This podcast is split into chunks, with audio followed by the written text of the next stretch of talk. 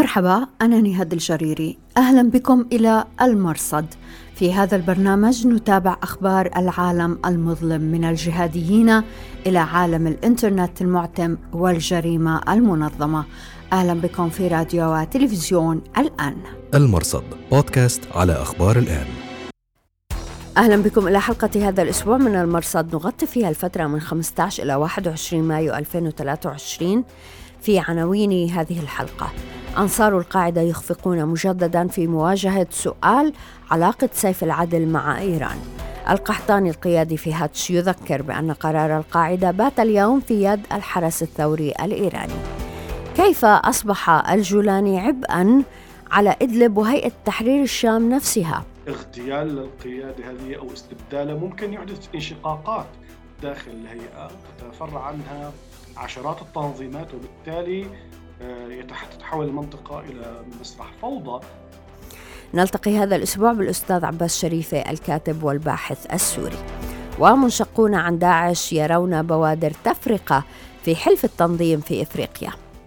للتواصل مع البرنامج يرجى الكتابة إلى نهاد جريري على تويتر وتليجرام وفيسبوك أو ترك رسالة في زاوية التعليق على رابط هذه الحلقة. وبإمكانكم الرجوع إلى نص هذه الحلقة في أخبار الآن دوت نت. المرصد بودكاست على أخبار الآن. أهلا بكم في أخبار الآن. إذا بعد الجدل الذي أثاره تصريح أبو مريا القحطاني القيادي الرفيع في هيئة تحرير الشام حول انتهاء الجهاد وارتباط هذا المفهوم بالقاعدة. أعاد الرجل نشر تعليقه من شهر فبراير الماضي الذي كان بعد أنباء تعيين سيف العدل زعيما للتنظيم والذي قال فيه إن تنظيم القاعدة انتهى ونصح فيه منتسبي القاعدة بترك التنظيم الذي أصبح فيه الحرس الثوري الإيراني هو صاحب القرار كون سيف العدل مقيم في طهران. اليوم زاد أبو ماريا على ذلك مقالا طويلا يتحدث فيه عما قال إنها أسباب تركه تنظيم القاعدة منذ العام 2013 والحقيقة ثمة علامات استفهام حول التواريخ التي يذكرها الرجل هنا فهو في العامين 2013 و 2014 كان مع جبهة النصرة التي ظلت بهذا الاسم تنظيما تابعا للقاعدة سواء فرع العراق المعروف آنذاك بالدولة الإسلامية في العراق أو مع القاعدة المركزية بعد القطيعة مع ما صار يعرف بداعش جبهة النصرة خلعت القاعدة بعد أن خلعت اسمها وتحولت إلى جبهة فتح الشام وفك الارتباط في يوليو 2016 على كل حال المهم فيما يقوله أبو ماريا والكلام الذي لا يخضع لجدل هو تذكيره بالعلاقة بين القاعدة وإيران من خلال سيف العدل وهي العلاقة التي يتعين على أنصار القاعدة التعامل معها كأمر واقع. يقول أبو ماريا بدل حرب الاستنزاف التي يفتحها التنظيم ضد أمريكا لماذا لا تدعو القاعدة الأمة لمواجهة إيران وفتح جبهة عالمية ضدها وضد أذرعها بدل تحميل الأمة؟ ما لا تطيق. وربما هنا يشير القحطاني إلى مسألة الجهاد العالمي الذي بشر به أسامة بن لادن والذي يقوم على مكافحة أمريكا والغرب وبين الجهاد المحلي الأقرب إلى الثورات الوطنية المحلية التي تتعامل مع المحتل مباشرة. وفي هذا الإطار إيران هي جزء من حلف الاحتلال في سوريا. أنصار القاعدة ردوا على هذا الكلام بوصف القحطاني بأنه خائن ناكث للعهود والمواثيق وأنه يدعو إلى شق صفوف المجاهدين. أحدهم قال إن سبب انزعاج القحطاني من سيف العدل تحديدا هو لأنه يعلم علم اليقين إذا تولى سيف العدل سوف يعطي أوامر بقتله. والحقيقة الكل يعلم أن سيف العدل هو المكلف ملف الشام وبالتالي إذا كان سيف العدل له موقف من القحطاني أو قادر على أن يصنع شيئا مع القحطاني فمسألة تولي آه، سيف العدل زعامة آه، القاعدة خلفا للظواهر من عدمها ليس لها مكان هنا. على كل حال معارضو هيئة تحرير الشام أشاروا إلى تبدل مواقف القحطاني وكيف أنه في وقت من الأوقات مثلا كان مختلفا مع الجولاني نفسه. هذا الأخذ والرد حول القحطاني وتحولاته مع تحولات أبو محمد الجولاني زعيم هيئة تحرير الشام وبعده عن القاعدة والجهاد العالمي. يرجعنا إلى المربع الأول. والسؤال الأساس من مكن الجولاني في الشام؟ من تسبب حقا في شق صف القاعدة؟ لنتذكر أنه من ثبت الجولاني في خلافه مع أبو بكر البغدادي زعيم فرع القاعدة في العراق. في العام 2013 كان رأس القاعدة نفسه الدكتور أيمن الظواهري. هو من شجع الجولاني على التمرد. الجولاني كان دائما منتدبا من البغدادي الذي أمده بالمال والعتاد أو كما قال البغدادي نفسه الجولاني كان جنديا من جنوده. هذا الخلل ومن قبله الخلل في تثبيت البغدادي على فرع العراق موثق في البحث الشهير للكاتب الموالي للقاعدة عدنان حديد الذي عنوانه بين الشيشان والشام دروس وعبر المنشور في 2020 وبالتالي علينا أن نسأل أي مشروع تحمله القاعدة في الشام أو في أي مكان آخر؟ أي مشروع تحمله الجماعات الجهادية إجمالا لنفترض أن الخلاف بين الجولاني والبغدادي لم يكن وأن البغدادي ثبت داعش في العراق والشام كما أراد وظلت علاقته طيبة مع مركز القاعدة كما كانت العلاقة بين الطرفين في عهد أبو مصعب الزرقاوي هل كانت إدلب ستخضع إلى سيطرة داعش كما الرقة والموصل؟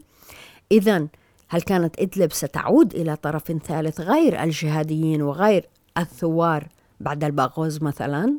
المرصد بودكاست على أخبار الآن عبر عن جزء كبير من فشل هذه التجارب الجهادية القيادي في الجيش الوطني السوري المعارض على فحم كتب المهندس فحام في تويتر تحت عنوان الجولاني أو نحرق الثورة أن المشاريع التي انبثقت من مدرسة القاعدة ويقصد داعش والنصرة دأبت على سياسة إدخال المناطق والعشائر في حروب داخلية يتم فيها زرع الثأر وإدامته لضمان إبقاء قدم التواجد ضمن هذا الصراع الثأري. أما الدماء والأضرار الاجتماعية فهي آخر ما يهتمون به. وأضاف أن هذا ما يفعله الجولاني فالمشهد والمشروع الذي يريده الجولاني هو الجولاني أو نحرق الثورة. فإما أن يستمر بصدارة الثورة مع تصنيفه على قوائم الإرهاب أو يحرق الثورة معه. كذلك كان شعار البغدادي قبله إما قبول خلافته أو مواجهة مفخخاته يقول المهندس فحام. وبالتالي إلى أي درجة أصبح الجولاني عبئا ليس فقط على إدلب وإنما على هيئة تحرير الشام نفسها. في هذا الملف لفت ما نشره أبو شعيب طلحة المسير الشرع المصري المطرود من الهيئة في 2019 المنشور معاد من مقال طويل نشر أول مرة في أغسطس 2019 أي بعد فصله بشهر تقريبا. تحت عنوان حقيقة أبو محمد الجولاني قال أبو شعيب إن بقاء الجولاني كان منذر بسقوط بقية مناطق إدلب في يد النظام فالبدايات تدل على النهايات وبالتالي الحل أن يتنحى أبو محمد الجولاني حقيقة عن الكرسي فكراهية الأكثرين له ليست من فراغ. المرصد بودكاست على أخبار الآن. في الأثناء تواصلت التظاهرات ضد هيئة تحرير الشام في إدلب للأسبوع الثاني على التوالي حتى أن معارضي الهيئة وصفوها بالطوفان مستذكرين ما كان من الحراك ضد النظام السوري في 2011 فظهرت مفردات مثل التنسيقيات والرجل البخاخ. هذه التظاهرات بدأت على خلفية اعتقال الهيئة أفرادا من قرية دير حسان لما قالت الهيئة إنه انتمائهم إلى حزب التحرير. الهيئة واصلت اعتقالاتها على ما يبدو ولكن في اتجاه آخر في اتجاه المستقلين. في الأيام الماضية قال معارضون أن الهيئة اعتقلت قياديين عسكريين في المحاور الحساسة من مناطق التماس لا علاقة لهم بأي حزب وإنما كانوا يخططون لعمل عسكري حقيقي ضد النظام. في الأثناء نشرت معرفات موالية للهيئة مقابلة مع ضياء العمر المتحدث باسم الأمن العام التابع للهيئة حيث سئل عن سبب استهدافهم حزب التحرير تحديدا. وذلك بتهمة التجهيز والشروع بأعمال أمنية بحق بعض الكوادر الثورية في منطقة إدلب بالتنسيق والترتيب مع بعض الشخصيات التابعة لتنظيم جند الله بقيادة أبو حنيف الأذري وشخصيات أخرى من تنظيم حراس الدين. المرصد بودكاست على أخبار الآن. لا ينظر إلى جدوى المشاريع الجهادية على المدى البعيد فحسب بل ثبت بالتجربة أنه متى استحكم جهاديون في جغرافيا أوقعوا ظلما لا يختلف عن ظلم الطاغوت الذي يدعون أنهم يقاتلون. في هذا الملف ذكر حساب قناة فضح عباد البغدادي والهاشمي بالنفاق الذي مارسته ولا تزال قيادة داعش مع الأنصار والعناصر. فنشروا رسالة تعود إلى تاريخ 28 مايو 2018 منسوبة إلى والي العراق آنذاك حجي تيسير الجبوري معتز نعمان الجبوري الذي قتل في قصف للتحالف بريف آه، دير الزور الشرقي في أيار 2020 في الرسالة يعترف الجبوري بأن التنظيم أبرم هدنة مع الأكراد إبان حصار هجين شرق الدير. المهم أو الفاضح على حد تعبير الحساب هو أن أبو بكر البغدادي زعيم التنظيم آنذاك خرج في كلمة صوتية بعد ثلاثة أشهر من تاريخ الرسالة يدعي فيها أن التنظيم لم يحاصر في هجين وأنه لا ينام على ضيم. يختم الحساب أنه في وقت نشر تلك الكلمة كان البغدادي قد التجأ إلى مناطق الجولاني التي هي في عرف داعش دار كفر. المرصد بودكاست على أخبار الآن. في ملف آخر معقد يتعلق بسلوك أفرع داعش في إفريقيا مع المركز في العراق والشام يحاول القائمون على حساب قناة فضع عباد البغدادي والهاشمي تفكيك شفرة تلك العلاقة. منطلقين من قتل أبو بلال السوداني الذي كان مسؤول التمويل في فرع التنظيم في الصومال والذي قتل في غارة أمريكية في يناير الماضي. بحسب القناة السوداني كان أحد أمراء ما يعرف باسم مكتب الكرار الذي يشرف على ولاية الصومال ووسط أفريقيا والذي له الفضل الكبير في تمويل العديد من الولايات الداعشية في إفريقيا وكذلك القيادة المركزية. وعليه فإن غياب الرجل خلق ثغرة عميقة في هذا المكتب. وبالنظر إلى استنزاف القيادات قيادات داعش في العراق والشام يرى الحساب أن التنظيم قد يستعجل ويخاطر بأن يضع مكتب الكرار تحت إشراف أبو مصعب البرناوي. القيادي في داعش غرب إفريقيا الذي يشرف على مكتبي الأنفال ويضم ليبيا ومالي والنيجر وبوركينا فاسو ومكتب الفرقان الذي يضم تشاد ونيجيريا. وبالتالي سيصبح البرناوي الأمير الأكثر نفوذا في القارة السمراء. هكذا يرى الحساب ويرى الحساب أيضا أنه إن تحقق هذا التنصيب فسيكون ذلك مسمارا آخر في نعش التنظيم وبداية لتفككه في القارة الإفريقية. فالعديد من الولايات الإفريقية كانت تتواصل بشكل مباشر مع المركز وتتلقى التعليمات والإرشادات العسكرية والمنهجية مباشرة من الإدارة العامة. وإن تم تنصيب البرناوي فهذا يعني أنه سيحول دون ذلك وسيصبح الحاجز الذي يستوجب على الجميع المرور عبره للوصول إلى القيادة العامة. حساب عباد البغدادي والهاشمي يشير إلى تباين عرقي وقبائلي ومنهجي في إفريقيا. سيجعل مهمة السيطرة على كل الأفرع مهمة شبه مستحيلة. المرصد بودكاست على أخبار الآن. أهلا بكم دائما في أخبار الآن. نرحب هذا الأسبوع بالأستاذ عباس شريفة الباحث والكاتب السوري للحديث أكثر عما يجري في هيئة تحرير الشام وفي إدلب. شكرا جزيلا لوجودك معنا في البرنامج أستاذ عباس. أهلا وسهلا فيكم. تشرف في حضرتكم واللقاء معكم إذا تظاهرات ضد هيئة تحرير الشام تدخل الأسبوع الثاني. هي ليست غريبة لكن نرى اليوم عناصر تذكر بالحراك أول مرة في 2011 رجل البخاخ التنسيقيات إلى أي درجة ستكون هذه التظاهرات مؤثرة؟ أعتقد أن المظاهرات يعني هي تنطلق من دوافع متعددة ليست من دافع واحد. في هناك احتجاجات لا شك شعبية تنطلق من مطالب معاشية ويعني تضيق ذرعا بتدخل الهيئة في الحياة اليومية. وأيضا هناك بعض الناشطين الذين يتظاهرون من أجل يعني حرية التعبير وتضييق تحرير الشام على حرية التعبير والمحاسبة على المنشورات المرئية أو المنشورات المدونة. لا أتوقع أن هذه الاحتجاجات تتطور لأنه لحد الآن هي ما هي مرتبطة بمطالب معاشية آه، تهم عموم الشعب وبالتالي هي لا زالت نخبوية تتعلق بموقف سياسي أو تتعلق بحرية التعبير. ومعروف أنه الاحتجاجات إذا لم تنطلق من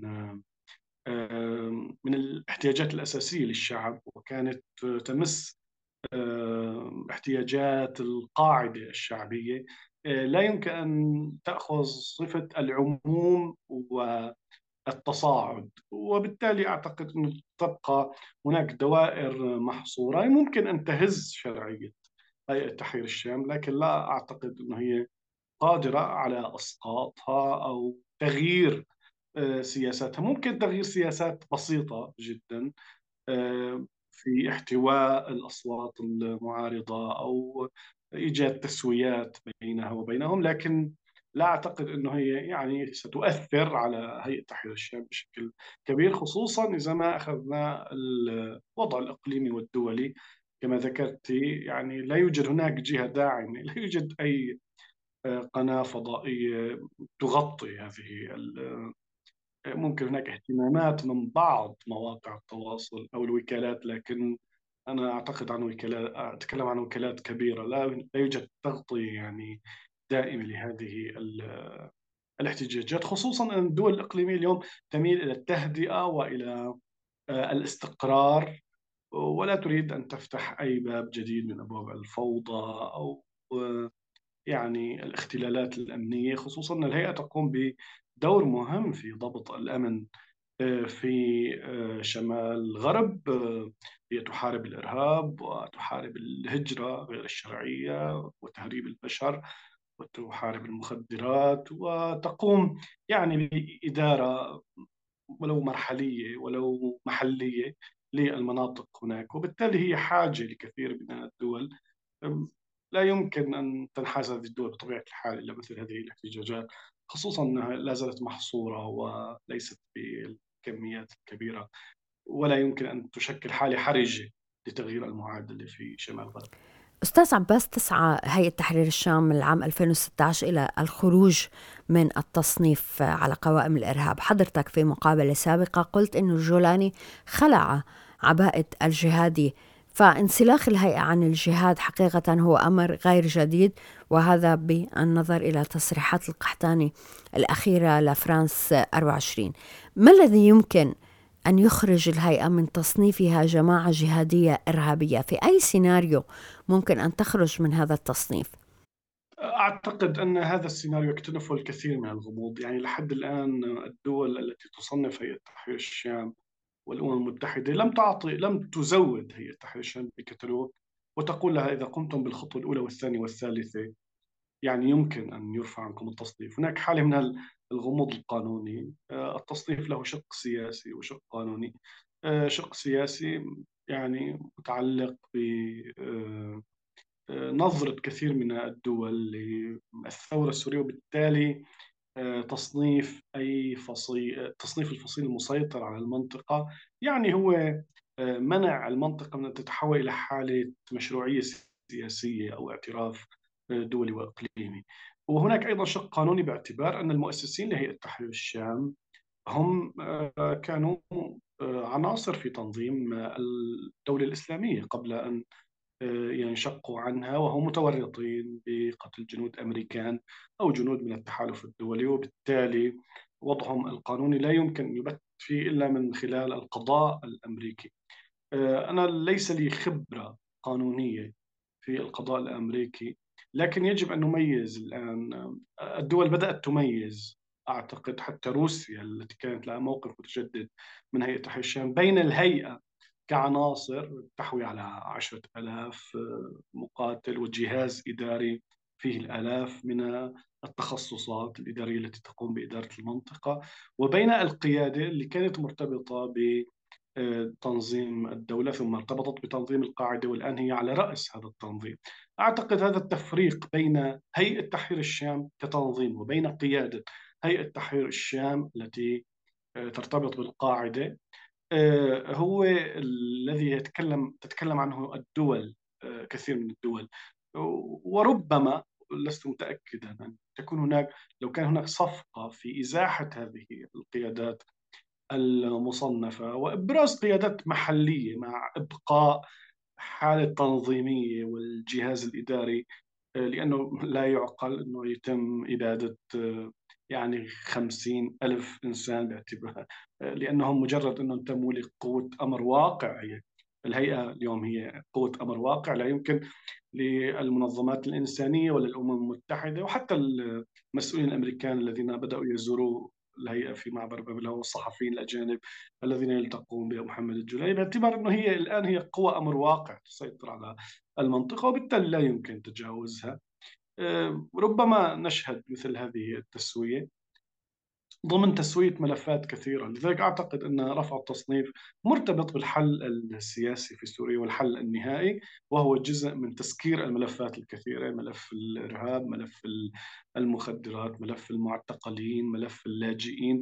هذه الملفات كلها يجب أن تغلق جملة واحدة حتى ننتقل إلى حل سياسي. وفي ظل عدم وجود مؤشرات واضحة على التوجه نحو حل سياسي شامل. آه، أعتقد أن الأمر سيبقى على ما هو عليه حالة من تجميد الصراع آه، حالة تصنيف لكن مفاعيل التصنيف مجمدة. يعني هي تحرير الشام مصنفة كفصيل إرهابي وقيادة هيئة تحرير الشام موجود على موقع العدالة التابع لوزارة الخارجية الأمريكية أسماء قيادات ومكافآت مالية لمن يقوم بإلقاء القبض عليهم أو إدلاء بالمعلومات تؤدي لإلقاء القبض عليهم. لكن آه، هذا التصنيف ليس له مفاعل. يعني بمعنى أن الولايات المتحدة الأمريكية لا تستهدف قيادات تحرير الشام آه، مع أنه هي تقوم باستهداف قيادات الحراس وقيادات القاعدة وتنظيم خراسان وقيادات داعش. لكن الهيئة الآن هي لا تشكل خطر كما أنها لا تقوم بنشاط خارج الحدود. يعني لم تقم هيئة تحرير الشام بأي عملية عسكرية خارج بل هي تفتح تريد أن تنفتح على الدول وتقدم خدمات أمنية للدول. لذلك آه، أعتقد أنه هو جزء من صفقة أو تسوية شاملة في الملف السوري. لكن أستاذ عباس زكور وهو القيادي في الهيئة تم تصنيفه؟ أعتقد أن ذكور لم يصنف وإنما تم تفعيل عقوبات هو من الأصل مصنف. يعني ليس هناك تصنيف جديد وإنما تم تفعيل عقوبات لأنه كان يدير شبك شبكات مالية في تركيا. وبالتالي جزء من التفاهمات الأمريكية لما يعني الأمريكان الأتراك يطالبون بملاحقة حزب العمال الكردستاني وأمريكا تطالب بملاحقة عناصر القاعدة. ضمن تسوية يبدو أن الامريكان زودوا الأتراك بأهداف تتعلق بحزب العمال الكردستاني مقابل ملاحقة بعض شبكات التمويل التي تنشط بتركيا بطريقة غير رسمية يعني عبر واجهات محلية. وبالتالي يعني ليس له تأثير يعني حد الان لم تصادر هذه الأموال ولم تصادر شبكات التمويل ولم يعتقل زكور في تركيا وإنما يعني تم آه، آه، يعني ليس له هناك مفاعيل لهذه العقوبات أيضا مثلها مثل التصنيف. والسؤال التالي أستاذ عباس هو لأي درجة ممكن هيئة تحرير الشام ككيان وكتنظيم من عشرات الآلاف من الأفراد؟ كما آه، ذكرت حضرتك أن يضحوا بالجولاني من أجل الخروج من هذا التصنيف خاصة أنه في تجربة مع طالبان مثلا. في نهاية الأمر أمريكا أبرمت اتفاق مع طالبان أعادهم إلى السلطة رغم أنه شبكة حقاني مصنفين وشبكة حقاني تمسك بوزارة الداخلية في حكومة طالبان الآن. التي تحكم 50 مليون نسمة. إذا في سابقة. أه. أه لا أعتقد أن المسألة مختلفة بين أفغانستان وبين سوريا. سوريا ليست مجتمع مش مشابه ليست مجتمع عشائري وقبلي من البشتون وليست مجتمع سلفي. أه نحن عم نتكلم عن مكون لا يشكل واحد بالألف من المجتمع السوري. ويتموقع في بقعة جغرافية صغيرة جدا في شمال غرب سوريا ولا يمثل الثقافة السورية. طالبان هي حالة اجتماعية ليست حالة تنظيم عسكري أو تنظيم ديني لها جذور قبلية وولائهم القبلي والقومي أهم أكثر من الولاء الديني. ثم أنهم ليسوا حركة سلفية يعني لم تنشط طالبان خارج الحدود ولم تكن مرتبطة كانت القاعدة مرتبطة ببيعة لهم وهم يعني فكوا ارتباطهم بالقاعدة ولم يقبلوا بيعة الظواهري أعتقد آه، يعني ربما تكون هناك تسوية لكن حتى حالة طالبان لأن لحد الآن ليس لا يوجد هناك اعتراف سياسي لا يوجد هناك سفير الولايات المتحدة الأمريكية في آه، أفغانستان لا يوجد علاقات دبلوماسية لم يزر أحد من القادة قادة دول العالم حكومة طالبان ولم تزر طالبان أحد دول العالم. لا يوجد هناك علاقات تجارية وبالتالي يعني حالة الاعتراف بطالبان كقوة أمنية أكثر ما أنه هي قوة سياسية معترف فيها حقيقة أنه هي تحكم. وهذا النموذج الآن مطبق في يعني إدلب اليوم نفس النموذج. هناك تعامل في كل المستويات لكن لا يوجد اعتراف سياسي بهيئة تحرير الشام ولا يوجد تأهيل سياسي لهيئة تحرير الشام أعتقد أن المسألتين مختلفتين لكن مع ذلك آه، الآن في المرحلة هذه أعتقد أن الدول والغرب حريص على بقاء القيادة. أن تبقى قيادة هيئة تحرير الشام على رأس التنظيم باعتبار أنه اغتيال القيادة هذه أو استبدالها ممكن يحدث انشقاقات داخل الهيئة تتفرع عنها عشرات التنظيمات وبالتالي آه، تتحول المنطقة إلى مسرح فوضى ومعنى ذلك أنه مزيد من الإرهاب سيتم تصديره ومزيد من اللاجئين ومزيد من آه، المشاكل الأمنية والدول الآن لا تريد أن تفتح هذا السيناريو. لكن ربما نشهد صفقة مع هذه القيادة كما قلت في إجراءات الحل النهائي في سوريا. أستاذ عباس وهذا يقودنا إلى السؤال عن الخلافات داخل هيئة تحرير الشام خاصة بين ما يعرف بمعسكر القحطاني ومعسكر عطون الذي أشيع من أسابيع أنه استقال من الهيئة. لأي درجة هي خلافات مؤثرة خلافات حقيقية؟ حسب المعلومات إنه الخلافات هي خلافات تكتيكية ليست خلافات بالاستراتيجيه، يعني هناك وجهتين نظر حول آه، سيطرة هيئة تحرير الشام على الشمال الشمال السوري. مناطق الجيش الوطني. آه، هل تكون بعمل عسكري أم تكون بسيطرة غير مباشرة عبر الخلايا الأمنية وعبر آه، أخذ بيعات من بعض الفصائل آه، بحيث تكون تابعة لها؟ يعني قيادة هيئة الآن لا تريد إزعاج تركيا في هذه المنطقة ولا تريد أن تدخل بشكل فاقع ويعني تثير أو تستفز الولايات المتحده الأمريكية باعتبار الولايات المتحده الامريكيه شاركت في تحرير منطقة درع الفرات كجزء من التحالف الدولي. آه، عطون على ما يبدو إنه يريد لا سيطرة مباشرة وفرض الأقدام الثقيلة وفرض أمر واقع في الشمال لأنه يعتبر انه وجود خيارين في الشمال الجيش الوطني والهيئة يجعل الدول تذهب أحيانا للجيش الوطني ويمكن أن يكون الجيش الوطني مشروع لإنهاء الهيئة فيما لو قررت الدول، لذلك هو يريد إعدام خيارات الدول بالسيطرة الكاملة على الشمال وشمال الغرب.